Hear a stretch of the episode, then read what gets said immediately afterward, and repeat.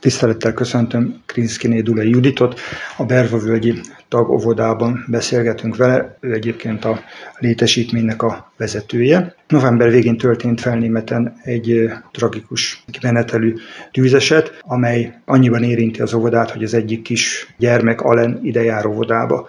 De nem csak a, az Alen szeméről van szó, hanem ugye arról is, hogy a családnak több gyermeke járt ide óvodába. Miben tud az óvoda segíteni, mi az, amiben segítőkezet nyújtottak a családnak? Hát először is, amikor a tűzesetről értesültünk, nagyon megijedtünk, és az első gondolatunk már aznap este, amikor ugye hírt kaptunk elő a tragédiáról, az óvona nevelő testületén belül már aznap este megfogalmazódott az a gondolat, hogy ennek a családnak feltétlenül segítenünk kell.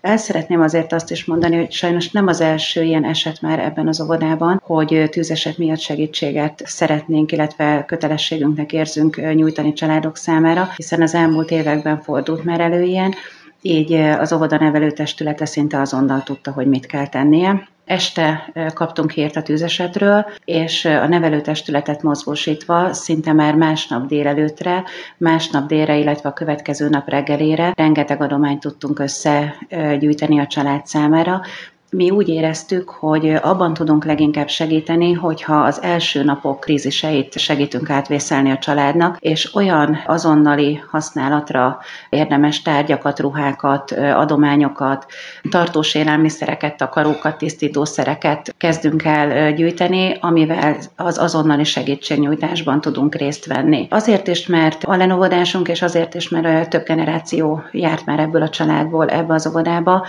tiszta szívből szerettünk volna ennek a családnak segíteni, hiszen nagyon régóta ismerjük őket, és tudjuk, hogy egy nagyon dolgos, nagyon kedves, nagyon aranyos család, akik, akik tényleg a családra tették fel az életüket, rengeteget dolgoztak azért, hogy ezt a házat meg tudják teremteni önmaguknak és a gyermekeik számára is, és ahogy bekövetkezett ez a tragédia, Számunkra nagyon-nagyon fontos volt, hogy ott és ahol és lehetőleg minél hamarabb tudjunk nekik segíteni. Az elhelyezést illetően is tudtak segíteni? Gondolok itt arra, hogy esetleg a család bármilyen módon itt esetleg néhány napig meghúzhatta magát, vagy itt erről nem nincs Nem, erre, erre sajnos nem volt lehetőségünk, de én azt gondolom, hogy nem is lett volna erre szükség, hiszen én másnap reggel első dolgom volt az óvodába beérkezéskor, hogy felhívjam telefonon a családot, és érdeklődjek arról, hogy hol tartanak most, és hogy sikerült átvészelni ezt a krízis időszakot. A nagyapával beszéltem, aki elmondta, hogy vannak olyan rokonok, családok, akik azonnal befogadták őket. Kérdeztem azt is tőlük, hogy mi az, amivel most és azonnal és leghamarabb tudunk nekik segíteni akkor ugye jelezték, hogy mivel mindenük oda veszett, az első és legfontosabb az a ruházat lenne. Megbeszéltük azt, hogy milyen korú gyermekek, milyen korú felnőttek, milyen ruhát hordó felnőttek laknak abban a családban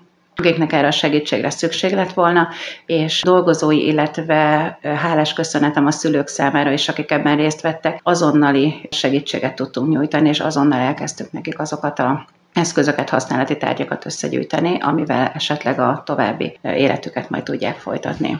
Gyakorlatilag az óvoda egy olyan vezető szerepet vállalt ebbe a segítségnyújtásban, ami azt jelenti, hogy az éli ráálltak ennek a kezdeményezésnek. Én azt gondolom, hogy bízom benne, hogy valamilyen szinten az élére álltunk, inkább abban érzem én itt a nagy szerepet, hogy összetudtunk fogni, és volt egy olyan hely, ahová azok a szülők, akiknek a gyermekei ebbe az óvodába járnak, és értesültek ugye a médiából is erről a tragédiáról, volt egy olyan hely, ahová be tudták hozni az adományokat, ahol összetudtuk ezeket gyűjteni, ahol koordinálni tudtuk azt, hogy a családnak mikor és mire van szüksége. Hol tart most az adománygyűjtés? Ezt lehetett tudni, vagy ez a családnak a magánügye? Én csak arról tudok nyilatkozni, ami ide az óvodába befolyik hozzánk. Én azt gondolom, hogy az első időszakokban szinte naponta több hatalmas nagy zsákadományt tudtunk átnyújtani a családnak, amit nagy szeretettel is fogadtak, és ez az adománygyűjtés még mind a mai napig tart. Tehát az idejáró gyermekek szülei még mind a mai napig érkeznek a család számára adományokkal. Ezeket mi minden nap átadjuk a családnak, akik haza is tudják vinni, és én azt gondolom, hogy fel is tudják ezeket használni, tehát hasznosítani is tudják. Ki nem ismeri az óvodát, számára az érdemes talán elmondani, hogy jelenleg hányan járnak ide. Jelenleg 53 kisgyermekünk van, három csoportos óvodáról beszélünk, Eger külterületén, tehát Eger felnémeti részén. Egy családias kis óvoda, természetközeli programmal dolgozunk, csodálatos helyen vagyunk találhatóak, és ami talán az egyik nagyon fontos ebben az óvodában, az a módszertan, amivel dolgozunk, az a természetközeli megismerést biztosító, közvetlen tapasztalatszerzést biztosító óvoda. Vagyunk talán egyedül a városban, akik képesek vagyunk arra is, hogy ezzel a speciális módszerrel, amennyiben szükséges, olyan sajátos nevelési igényű gyermekeknek a befogadását és tudjuk, integrálását is tudjuk biztosítani, amelyik esetleg, vagy amely gyermekek más normál módszerrel nem fejleszthetőek. Köszönjük szépen a rendelkezésre állt. Nagyon szépen köszönöm én is.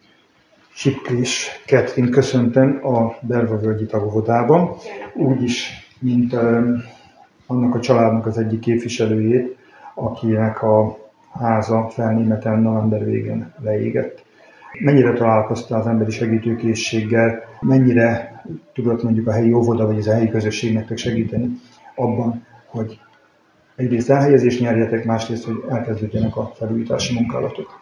El sem tudom mondani, hogy mennyire hálás vagyok a helyi óvodának, az embereknek, a szomszédoknak. Még így ismeretlenül is nagyon sok ember segített nekünk. Hol tartanak most a felújítási munkálatok? Mennyire tudtatok már lépni ebbe az ügybe? A tető azt hiszem lassan elkészül. Egy nagyon kedves családbarát segít nekünk. Azt hiszem már csak a cserepelés van, és a tető az rendben lesz. Aztán a belső munkálatok felújítása elkezdődne, csak ugye... Pénzkérdés. Igen. Az, hogy idén beköltöztek az esélytelen? Esélytelen. Jelenleg hol tartózkodtok? Jelenleg édesapám nővérénél van, a család egyik fele, a másik pedig a nagymamámnál. Itt egy kilencfős családról Igen, beszélünk. egy kilencfős családról, köztük négy kiskorú, és ugye a felnőttek. Őket mennyire viselt meg ez a tragédia? Mindenki érzi azt, hogy most valami nincs rendben, nem a megszokott mindennapokat éljük. Szerencsére így a, a gyerekek nem ijedtek meg, próbáltuk játékosan előadni nekik, hogy most vendégségben vagyunk, de majd haza fogunk menni. De persze mi felnőttek rettentően megviselt minket ez a dolog. És alig várjuk, hogy együtt legyünk újra akkor ehhez kívánunk sok erőt és kitartást. Nagyon szépen köszönjük.